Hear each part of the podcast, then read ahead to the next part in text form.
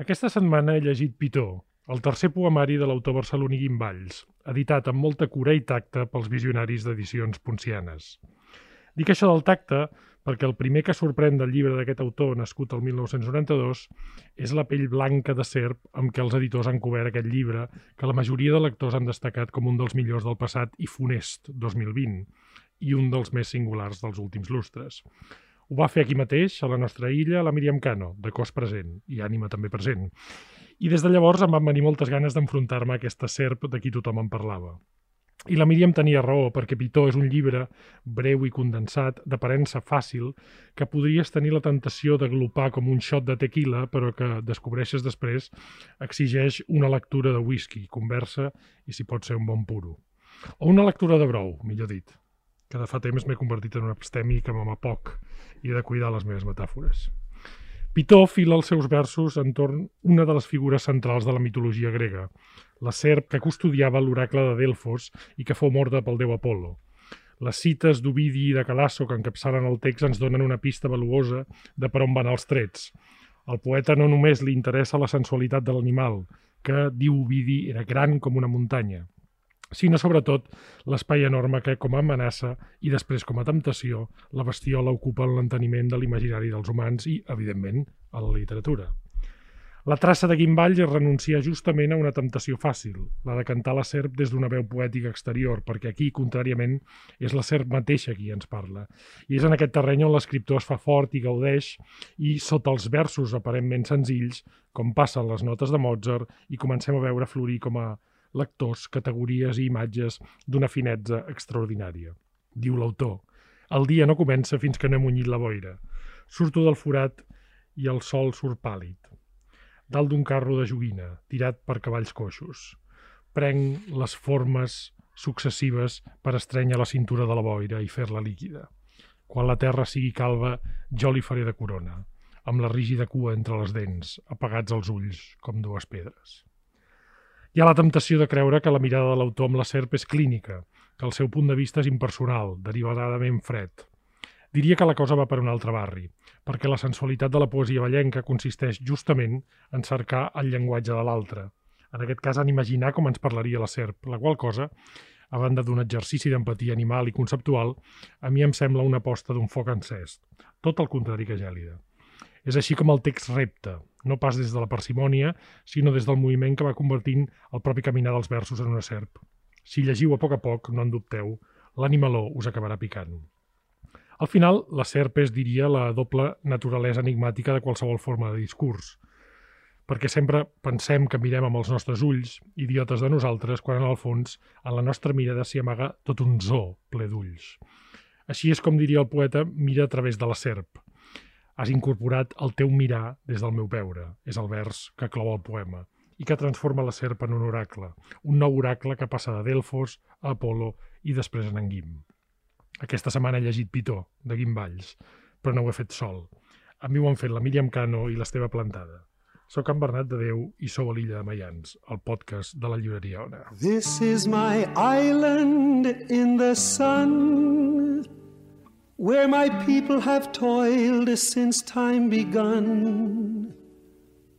I may sail on many a sea, her shores will always be home to me.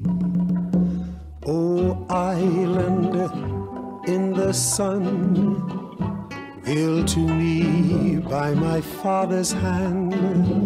All my days I will sing in praise of your forest waters, your shining sun.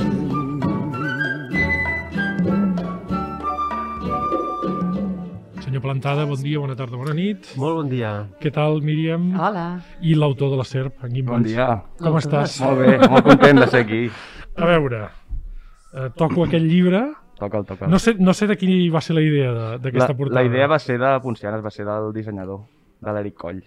Uh -huh. Ho va proposar ell i em va semblar de conya. De fet, va, va proposar dos tipus de portada, una era en blanc i l'altra era amb un color així més torrat que recordava més a una serp i vam acabar decidint de, aquesta. Era més subtil, així d'entrada tu te'l trobes i pot semblar un llibre molt senzill, Mhm. només blanc, i depèn de, de la inclinació i tal, i, i veus les escates. Mhm. Sembla Ah, més interessant. El, el programa que vam dedicar al, al bo i millor de la poesia de, de l'any 2020, d'aquest funest any 2020, que dèiem que no, el, el, 2020, no, el 2021 no seria gaire millor, però vaja, ja veurem. Uh, la Míriam ens va recomanar molt el, el llibre del, del, del Guim, l'Esteve hi va estar d'acord. Uh, per començar una mica a mode de resum, per què, què, què us ha fascinat d'aquest llibre, que ha fascinat a tanta gent, perquè ha tingut molts lectors i ha tingut una recepció crítica, com dirien els cursis, molt, uh, molt, uh, molt interessant. Entusiasta. Entusiasta, exacte. Entusiasta. A mi mm, sé que sona molt senzill, però m'agrada que m'expliquin històries i Pitó explica una història des d'un punt de vista, a més a més, eh, doncs diferent, no? des de la banda contrària, di diguem-ne. Després entrarem en més detalls, eh? però jo diria que si l'hagués de recomanar, eh, com tu deies no? la, a la introducció, eh, és eh, aparentment senzill, t'hi vas endinsant, és un llibre curt, i a poc a poc mm, veus una evolució narrativa que em sembla molt interessant en un llibre de, de poesia. No? Després entraríem ja en, en l'ús de les imatges, eh, en les metàfores, que a mi em semblen d'una d'una mirada eh, molt subtil, molt apassionada, eh, molt, de, molt tocada, molt aterrada també, no? Alhora, no és, gens, no és una visió gens fantasiosa, és una visió molt humana des dels ulls d'un animal, d'un rèptil, no? Sí, sí. I el, això a mi el, em, el em blanc va- d'aquesta portada, i, i jo i ho pensava mentre llegia, eh, contrasta amb el vermell, diria que hi ha algun, Mm. dins d'algun dels versos, o amb el verd també del serp, podríem dir, no? Esteve? Sí, m'agrada molt això de que hi hagi una història, i de fet l'explica, però més enllà d'això, el que m'interessa moltíssim del llibre és la voluntat arquitectònica, val? La, la voluntat d'estructura. Hi ha una estructura fragmentada, és a dir, són molts poemes però que formen un conjunt i que és un tot, no? És un poema amb, amb diferents batecs i diferents moments, diferents escenes, i també m'agrada perquè hi ha diferents tècniques, no? Pots trobar-hi a diferents metres, amb diferents fogonades, no? Fins i tot a, a aquest punt irònic de vegades, no? Que, és, que, que li dona la volta, no? hi ha humor, també. Sí. Hi ha molt Mm. d'humor, no? Bueno, molt, molt, molt no, però sí que hi ha aquell toc tan, tan necessari perquè està s'està endinsant a, un, a un motiu que és uh, mitològic, no? Mhm. És un episodi molt concret de la mitologia, amb un personatge molt concret que, a més a més, li dona una volta, no? Mhm. Que, a més a més, això de la volta, abans ho pensava, no? La serp el que fa és mudar de pell, no? La serp. I, ostres, la serp mm, és físicament aquell eh, animal que té el passat no? enrere i visible, no? El que ha estat, no? El, els pecats, per on s'ha arrossegat, etc. I tot això, no? de, de fer tot aquest joc, em, em resulta, com a conjunt final, un artefacte molt acabat, molt rodó i, Sí. i molt interessant. I a banda de tot això, que és la voluntat arquitectònica, hi ha el tema del llenguatge, no? Mhm. Jo penso que el Guim, això ho té des del primer llibre, la, la quincalla del segle, que ja era un esclat de- d'imatge, de, sobretot de molt de ritme, que és el, el que per mi caracteritza la, la seva voluntat formal, i aquí és, ja és una cosa, penso, molt, molt refinada. T'hem lluat d'una manera pornogràfica. Guim. Com veus en aquesta illa, si està molt calentó... Ja, Està molt bé, és tòrrida. Illa tòrrida. Hi ha, hi ha palmeres, no sé si hi ha serps però, o algun mosquit, però La de trobarem, moment, la de moment hi ha palmeres, cocos i, i menjar en abundància. Uh, uh, si han referit, doncs ja hem referit nosaltres a la, a la història aquesta d'aquesta serp mitològica. Quina és la, la teva relació amb la mitologia grega? Per què, per què tries aquest tema? I explica'ns una mica, perquè l'hem citat i no l'hem acabat d'explicar. Sí. Què, què, què explica Pitu? La meva relació amb la mitologia em ve de petit i, i crec que això d'alguna manera es nota. A mi m'ha agradat molt això que has dit, que, que, que té una visió molt aterrada dins de ser un tema que és el tema aquest de, de l'oracle, d'aquest misteri com avantpassat, de, anterior a tot, no? I l'altre dia ho parlàvem amb el Josep Pedrals, que em, va portar un curseu que fa, Una, va dir, abra- una abraçada, Josep, si ens Sí, escoltes. exacte. I va dir, clar, podria ser un tema de tractament molt boirós, també, no? Ah. I diu, però justament és molt clar. Uh -huh. I llavors vam arribar una mica a la conclusió que com que la pròpia serp és el misteri, ella no té cap necessitat de... de... Ella es, va, es dirigeix cap a la claror, diguéssim. Què, què, què és... Per, Vull dir, és la via inversa una mica, no? per Que fer de, una mica de guia del, del lector, què és, quina és la història mitològica que explica? Quina, La- quina, sí. quina és la serp que, que tu es fas parlar? Exacte, Pitó és una serp eh, molt antiga que té diversos orígens depenent de la versió de les fonts, Uh -huh. però que guardava un espai sagrat que és el de Delfos. I eh, en aquest mite Apolo eh, la mata després de néixer justament per apoderar-se de- de- d'aquest espai i per fundar el seu propi oracle. Aleshores hi ha versions que justifiquen més el comportament d'Apolo, no? perquè n'hi ha una que és la que jo coneixia de nen, per exemple, que és que la serp, abans que Apolo nasqués, havia perseguit a la seva mare, per ordre d'Hera. Aleshores, quan Apolo neix, queda justificat que vagi a venjar la seva mare. Però després, eh, investigant, sobretot a, a partir de la lectura del llibre aquest de Calasso, que es diu La fulla que ve de les nimfes, vaig veure que, que hi havia una... Es podia entendre que, que hi havia hagut una certa falsificació amb aquesta història, com en tantes altres, Uh -huh. i que això no, no està tan clar i després que la mateixa serp no només fa, fa la funció de guardiana, sinó que també hi ha fonts que indiquen que, que ella mateixa ja practicava la màntica. Sí.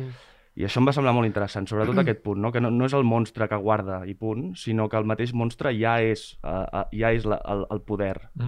eh, Que guarda. quan, quan decideixes que no explicaràs la història de la serp i que, i que la serp serà la serp qui parlarà ella mateixa? Ho fas Això d'antuvi quan, quan a- comences això a escriure? des, de, des del primer moment, el que passa és que em vaig estar plantejant, per exemple, de, de donar-li dos veus al llibre, de que fos Pitó i Mhm. després hi hagués una part que fos Apolo, i de fer un joc formal que Pitó fos una cosa molt més estripada i Apolo eh, fossin poemes molt més ben tallats. Em va semblar una mica una mica bàsic o fàcil. Va- Vaig pensar que tenia molt més interès anar a fons amb la serp i ja està. Mhm.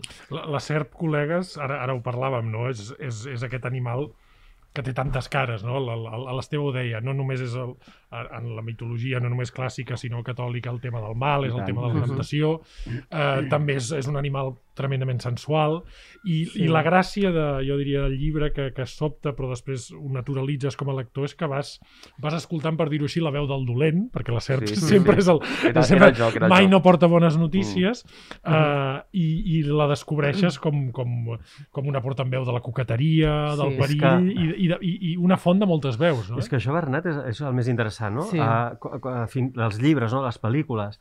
Quan en, ens interessa molt quan veiem el dolent. És a dir, quan, Mhm. quan Sí. entrem dins la, la psique no? de, del personatge que en teoria és el dolent. Uh, I clar, la serp ha representat això, però ara també introduïs un altre tema que per mi és clau, que és el de la sensualitat. La serp Uh-huh. no només és el pecat, és la és- sinuositat. oi? és més, eh, en el moment en què simbolitza el pecat, el simbolitza des d'un des d'un punt de vista molt sensual, no? perquè el pecat prim, eh, primigeni, eh, el de la serp, la poma i Adam i Eva, ja és un pecat on hi és la sensualitat. I jo volia dir, ja només el primer poema diu «Soc presumida sobretot quan mato». Uh-huh. Diu, és el plaer de veure'm reflectida al mirallet obscur. I, I va dient. I després, allò que dèieu, no?, de, de com la volta a l'últim poema, que, que es diu Pítia, Sí. Um, hi ha aquest, aquests dos versos que diu has incorporat el meu mirar dins el teu veure. Em sembla que els has citat tu Exacte. abans. És l'últim vers, oi? Guim, És diria, com Sí. Sí, sí, aquesta, uh, aquest discurs, no? tu, tu ho deies també ara, Guim, no? de com integra, no? És, eh, no, és, no és una serp només, és, és tota la serp, no? O és el Sí, mal, sí, és el poder, Sí. no? Sí, totalment. I a més a més hi ha una, hi ha una cosa que potser, ara m'equivoco, eh, corregeix-me, Guim, però jo no puc evitar llegir eh, el pitó, la Pitó en, en clau de gènere, no? Perquè finalment Sí. a la versió que jo conec, eh, Pitó és filla de Gea, eh, per tant un principi femení, Apolo simbolitza un principi masculí i el principi masculí mata el principi femení i en aquest últim poema que citava l'Esteve comença dient adolescents analfabetes, les píties, no?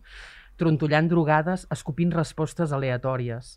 Has incorporat el meu mirar, el mirar sí. femení eh, i el veure eh, masculí, no? Per tant, eh, des d'aquest lloc de donar la veu a un principi femení, eh, explicant la història de com un principi masculí finalment el silencia, el soterra, Totalment. no? I, I això, una de les lectures que vaig estar fent per fer el llibre, perquè és un dels casos, la primera vegada que m'he posat com a investigar una mica per, per fer una obra meva, és el, la deessa blanca, per exemple, del Graves, i tot aquest rotllo no, que dius tu d'aquesta divinitat eh, femenina primigènia, de la qual no se sap gaire cosa, sembla que, no, que va per una via més subterrània, però que alhora també està una mica a totes les cultures. I sí, després, ara que... És un altre tema, eh? però que ara, ara que has mencionat aquest poema final, hi ha molts lectors que és curiós que ho han interpretat com un salt a la contemporaneïtat. Com si fos, aquestes adolescents analfabetes fossin, fossin noies actualment, com si el llibre acabés com que, com que la serpa encara parla cap a, cap a avui, no?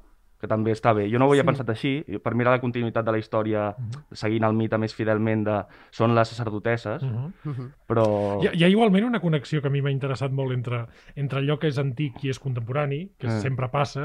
A mi m'agrada molt la, la idea aquella picassiana segons la qual una idea revolucionària sempre és una idea antiga que hem oblidat, que en el fons es, es fa molt en la mitologia grega. La mitologia grega de tant en tant no només els déus parlen, sinó que els, els objectes parlen. Sí. També en la Bíblia, és a dir, de tant en tant el foc, el foc parla. Per tant, el que tu estàs fent, en el fons, és, és imaginar la veu d'un objecte sí. o d'un animal, i aquí és on, i aquí és on trobo que hi ha la, la, a, a, mi, la, a mi la mitologia m'inspira llibertat, vull dir, Clar. perquè com que també van ser, va ser el, meu primer interès de, de nen, jo hi veia un, un món en què semblava que hi hagués un ordre molt rígid, però que en qualsevol moment es podia capgirar.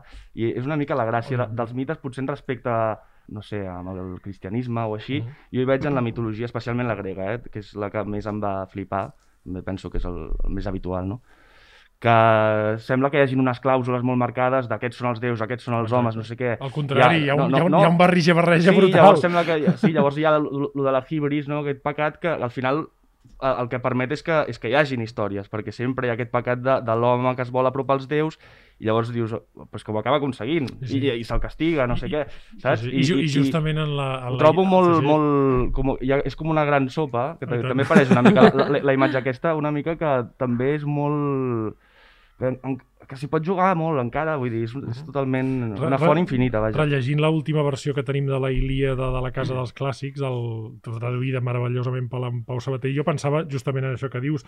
Hi ha, per exemple, en la- en allò que explica la Ilíada, doncs coses tremendament contemporànies que tu, quan estàs llegint un text, no, no hi penses com a contemporànies perquè les, les naturalitzes com una cosa antiga, però que són contemporànies, com, per exemple, la intervenció absolutament nonsens dels déus en la vida dels homes, Sí. és a dir, de tant en tant un déu s'encapritxa d'un home o s'enamora o té enveja Sí. d'un altre i intervé en la realitat d'una manera absolutament random, diríem, diríem Nosaltres avui. ho, ho, ho veiem no? com solemne, no? Però Exacte. llavors a la Ilíada també hi ha aquest punt de que es van matant i es roben les armes, Exacte. es roben... I Exacte. és, és una cosa com molt, molt vulgar tota Eh, l'estona. És vulgar, també. gore, i fins i tot a vegades hi ha, una, hi ha un sentit de l'atzar, que hi ha vegades Sí. que, que passen Sí, sí, coses... sí. Un Que, ni, déu... que ni els mateixos déus sa- saben ben bé, rotllo, això, Exacte. això hauria d'anar per aquí, Però va cap, però va cap però allà. clar, si, ve- si apareixes tu i, la, i me la lies, igual no, saps? Clar, clar, és això, Bueno, això és també. el que ens agrada, no? La Sí, mitologia clar. que els déus no són infal·libles. No. No, no, no, en absolut, és la són- gràcia, sí, sí. Normalment són projeccions de nosaltres com a humans. Jo, Guim, et volia preguntar, perquè eh, m'ha agradat molt tot el, el, el, el llibre, tot el poema, quan el llegeixes,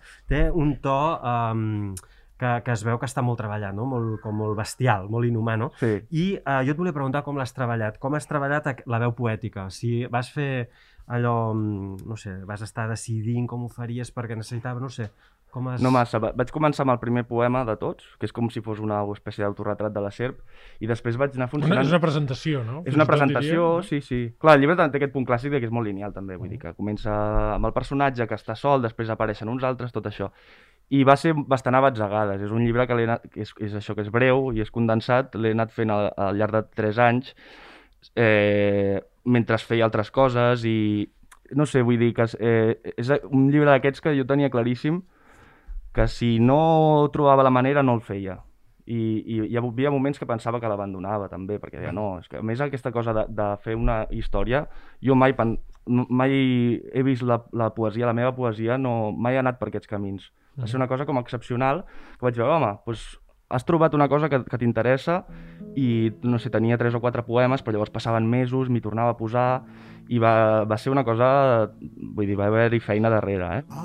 I peeked in to say good night. Si us ha interessat el Pitó de Guimballs i la relectura que fa del mite, d'aquest mite clàssic, eh, us recomano que llegiu, és una cosa que m'hi porta directament al Nosaltres qui de Mireia Calafell, on la poeta també, sobretot a la primera part del llibre, fa eh, diverses relectures de diversos mites, clàssics també, i entra en diàleg amb aquesta tradició i penso que té molts punts de connexió amb l'obra de Guimballs.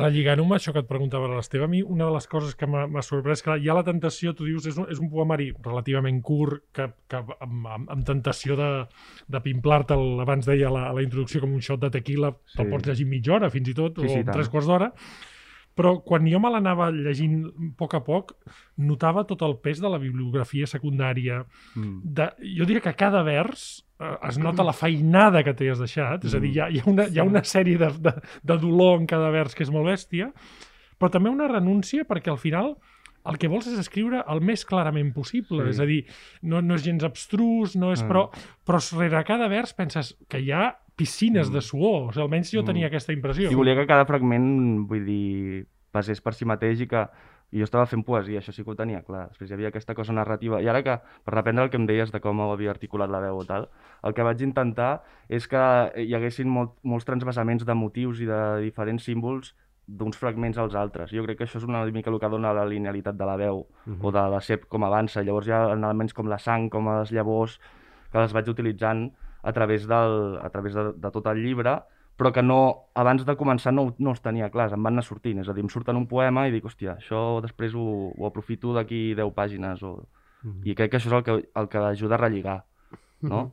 Hi ha moments, hi ha moments Hi ha moments de, de, de simetries de, mm -hmm. entre la primera sí. part i la última. Si, si t'hi fixes, no? hi ha un moment que diu que se'n passa la sang i després cap al final la vomita. Mm -hmm. I totes aquestes coses que bueno, li donen un cos, penso. Hi ha, hi ha moments fins i tot de, de relaxament i de... Abans deia l'Esteve no és un llibre d'humor, evidentment, però sí que hi ha, hi ha moments que, que... Hi ha un humor una mica negre. Que, que realment, exacte, uh, uh, uh, la Serp fa humor de si mateixa. A mi em, em va cridar molt l'atenció un dels poemes quan dius ara sí, pastor, ja has vist que el que es pot veure i el que no, t'has empassat l'últim glob d'aire, ni de dia ni de nit has pogut conèixer el so que s'arraulia dins la flauta.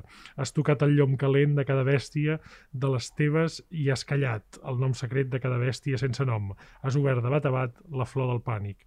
T'has untat la pell en fang, t'has posat sota la llengua una moneda i has entrat dins la gran bola, digues hola. Sí. Aquí, aquí vas acabar, acabes el poema rient, pràcticament, sí, no? Sí, sí, i no és l'únic lloc, hi ha moments... Jo m'ho vaig passar molt bé fent-lo, eh? I és això que... Es nota, això, també, eh? Sí, sí. que... Ja, vull dir que al final era una, una certa familiaritat de que jo eh, assumia aquesta veu d'aquesta serp, però un cop assumida a mi em servia per posar jo en els poemes un joc que si no és amb aquest joc, amb aquest artifici de mm. fer veure que sóc una serp, no, no m'atreviria a assumir un jo tan fort. Abans, Llavors també m'ajudava per, per, perquè també és un llibre que m'ho ha dit gent que em coneix i tal, que també és, és molt, és, soc molt jo en, cer en certes maneres, però llavors també hi ha el joc de que està escrit en femení perquè és una serp uh -huh. i bueno, hi ha unes ambigüitats així. Hi hi ha una cosa també molt interessant que deies perquè dius, i, i pot sobtar l'oient, no vaig descobrir la mitologia grega de petit. Clar, algú pot pensar que, que estrany, però clar, agafar la veu d'un animal és el que sempre hem fet de nanos, jugant. Sí, sí, quan jugues de, és que són els, quan són, jugues de, de, són de, de peque, de doncs no? els, ne, els nens, sí. un, un, un adopta el caràcter del dolent, l'altre el de la serp, sí. és a dir, la, la capacitat d'agafar un objecte i prendre-li la veu sí. és una cosa que, de, de, de, dels nanos que demostra que a vegades els nanos són molt més genials de, que, el, que, de fet, que la ara que dius això, adulta, Bernat, no? no deixem de ser, quan som poeta, quan som nens i juguem, no deixem, no, no deixem de ser ventrílocs i quan som poetes tampoc, no? En part, vull dir, a, a l'exercici de ven- ventricologia, no sé com s'ha de dir, Ventriloquia? ventriloquia. Sí. Exi- Existeix després? No ho sé, però, però el GIMP fa això, no? Per això jo sempre, eh, quan parlem de poesia, m'agrada reivindicar la part lúdica Sí. i penso que el, el Pitó té aquesta part lúdica, i això ja sabeu que no vol dir que haguem de riure, no? Sí, és, és, és, és un adjectiu que has fet servir que s'acostuma a fer per No. desprestigiar. Exactament. No, no, però, I a mi, però em- m'ho i a mi em sento sem- molt reconegut. I a mi em eh? sembla Sí. molt difícil fer coses lúdiques. És És, que- és, és com riure. És, no és, no és és que fàcil. ja penso jo que amb el mateix procés de l'autor, d'aquesta veu poètica, ja hi ha una part lúdica, no?, de, de jugar, del joc, i llavors com a lector també, no? Quan estàs a, seguint el fil, el fluix de, de, tota la, la, de tot el que està passant, del que està dient, expressant, de les accions, de tot el que va fent, tot això també té una part com molt lúdica de que t'està interpel·lant, de que tu Mhm. estàs pensant, que això que et passava a tu, Bernat, no? que connectes i dius, ostres, això és una referència, allò que... I jo penso que això el fa molt, molt interessant. Sí. És un llibre breu, però molt compacte, Sí, sí. i que et Mhm. fa... I, i a més a més hi ha, hi ha molts nivells de lectura i també molts nivells de recitament, per dir-ho així. El, Mm. aquest, aquest eh, poema que citaves de la serp, Hòstia, jo me l'imagino eh, un pare llegint-lo al seu, al seu fill, no? Perquè tu ho entens, és a dir, tu li Mm. expliques a un Sí. nen, hi ha, hi ha la lectura d'un infant d'aquest- d'aquesta serp que corre i que, és, Sí, sí. i que diu hola de tant en tant i que quan et pica, doncs, clar, et fot. I després hi ha una altra lectura que és la del lector més madur, que hi veu les, bueno, les referències mitològiques, etc etc. És a dir, que un llibre té moltíssimes capes de, de, de lectura i suposo que aquestes capes tu també les vas, les vas veient, les vas... Sí, i, i, i les vaig veient després, eh, també, moltes Ah. de les coses. I això també és curiós i, i fa, fa, fa alegria, també, no? De dir, hòstia... Oh, my love, my darling, I've hungered for your touch. si us ha agradat Pitó, jo us recomanaria que aprofitéssiu que fa cosa d'un any la Casa dels Clàssics va fer una edició molt assequible amb la mateixa traducció de la Bernat Metge cara, diguem-ne, eh, de les metamorfosis d'Ovidi, perquè penso que és una lectura que té aquest component, eh, també en parlàvem amb en, amb en Guim, la mitologia que aprenem de petits i que després, de més grans, ens costa eh, recuperar, i crec que és una molt bona oportunitat aprofitar que tenim una, una edició, com deia, mm, molt assequible d'aquesta obra eh, fundacional, diguem-ne, d'Ovidi, per recuperar doncs, aquestes aventures humanes de, dels déus grecs. Godspeed your love to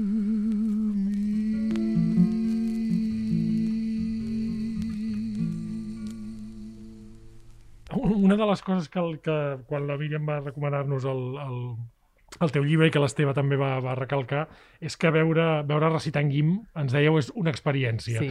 Ara, ara l'escoltarem, no el podem veure perquè això de moment encara només és un podcast, ningú ens ha ofert fer un programa de televisió, tot, tot, tot, tot, tot, tot, Possible. tot arribarà, però ens farem de pregar perquè som, som molt cars nosaltres. Jo, abans, abans Però- que reciti, vull dir una cosa. no, no, no, però vull que, i vull que m'expliqueu com, com és veure en Guim recitar, perquè em, diu, em veu dir, és tota una experiència. Per qui Bueno. no l'hagi vist, si, si es pot descriure, com seria? Jo diria que en Guim és una persona connectada.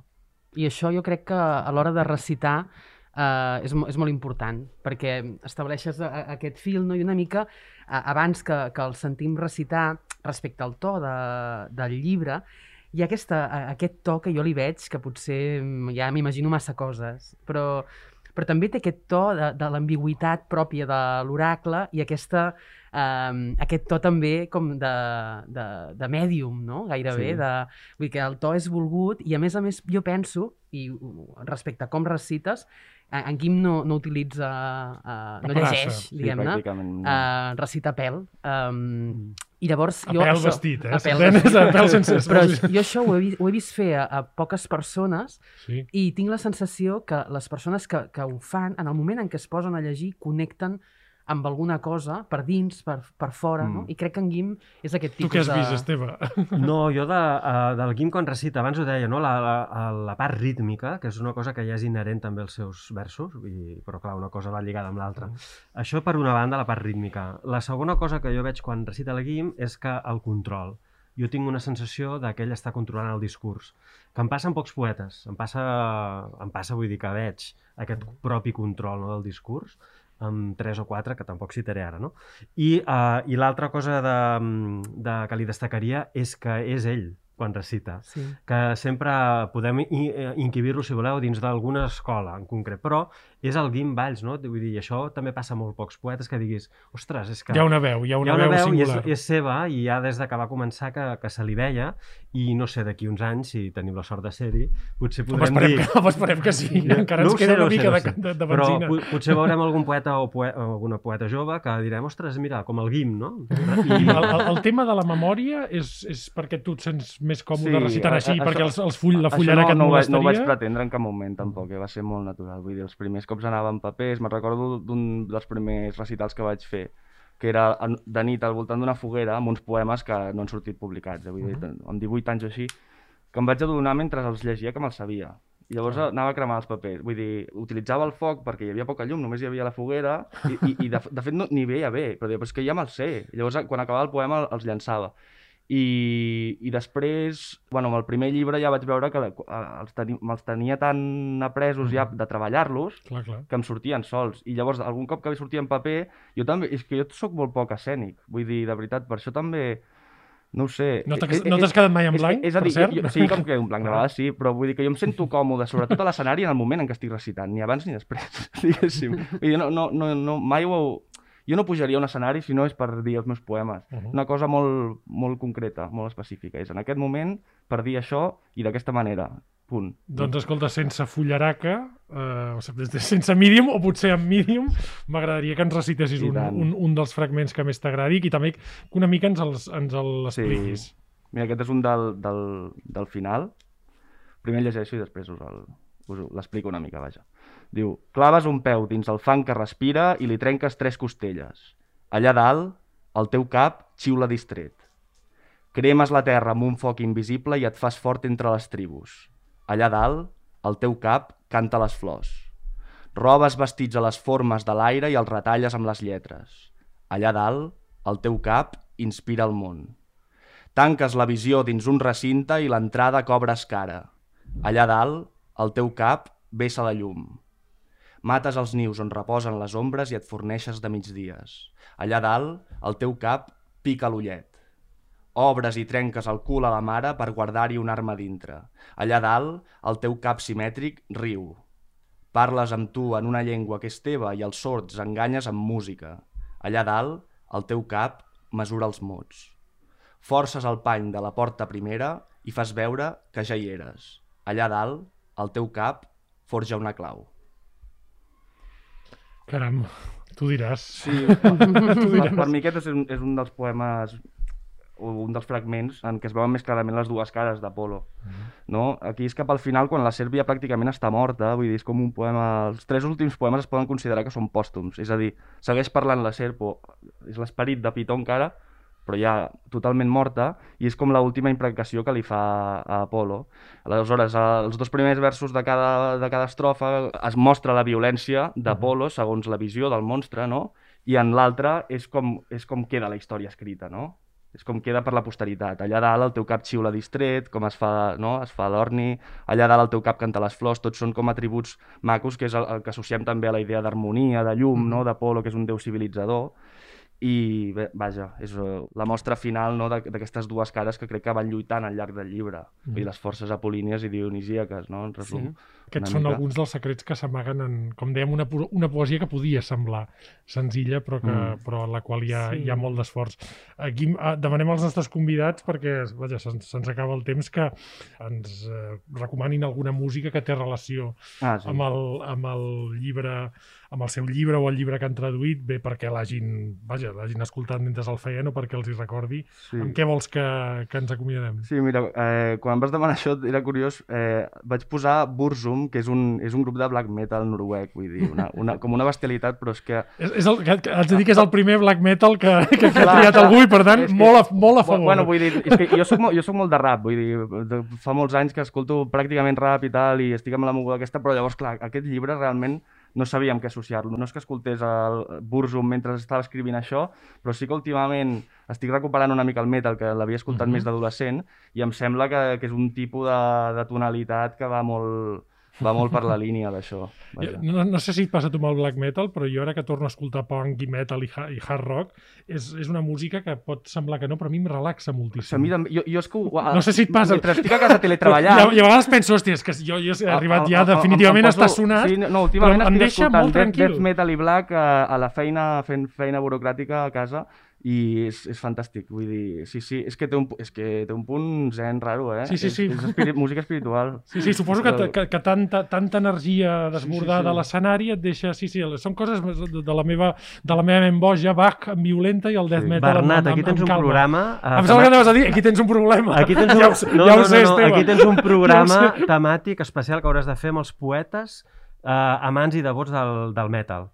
El, Ojut, el Guim, el Lluís Calvo, la Laia Noguera... Hi ha tot un grup de poetes que... Un Poetes amants del death metal. Sí, Home, sí, això em sí. sembla un Sí. episodi, Guim, Sí, si vols, bueno, jo, si vols tornar, ja dic, veus que eh? aquí sí està bé, en Jo, jo, general. jo tampoc és que sigui un heaviata i tal, però sí que m'han anat, escoltant eh, durant la vida. Però vull dir, ara últimament estic amb això i mira, penso que el, que el tema, per cert, no ho he dit, que es diu Dunkelheit, Mhm. que això és, és obscuritat en alemany, em sembla. Eh, Dunkelheit. Ja. Això, clar, no ho sé dir ja, ja, ja. Però, però sí, vaja. Uh, estàs... que dura 7 minuts, però no els posarem. No, bueno, i si, i si volem els posarem, i si no, no, perquè nosaltres aquí som, som monarques absoluts. Uh, suposo que estàs escrivint Guim, no? Uh, alguna Sí, cosa? a, a, aquest any no massa, però vaja, ja vaig fent, ja estic acostumat que tinc èpoques més intenses que altres.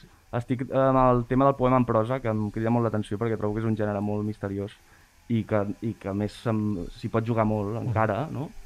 I estic amb això, sí. Doncs esperem els teus versos, gràcies per, per visitar-nos a l'illa i quan fem el programa de metal eh, tornes, que ja veus que s'hi arriba ràpid. Míriam, Esteve, moltes gràcies. Gràcies A vosaltres. a vosaltres.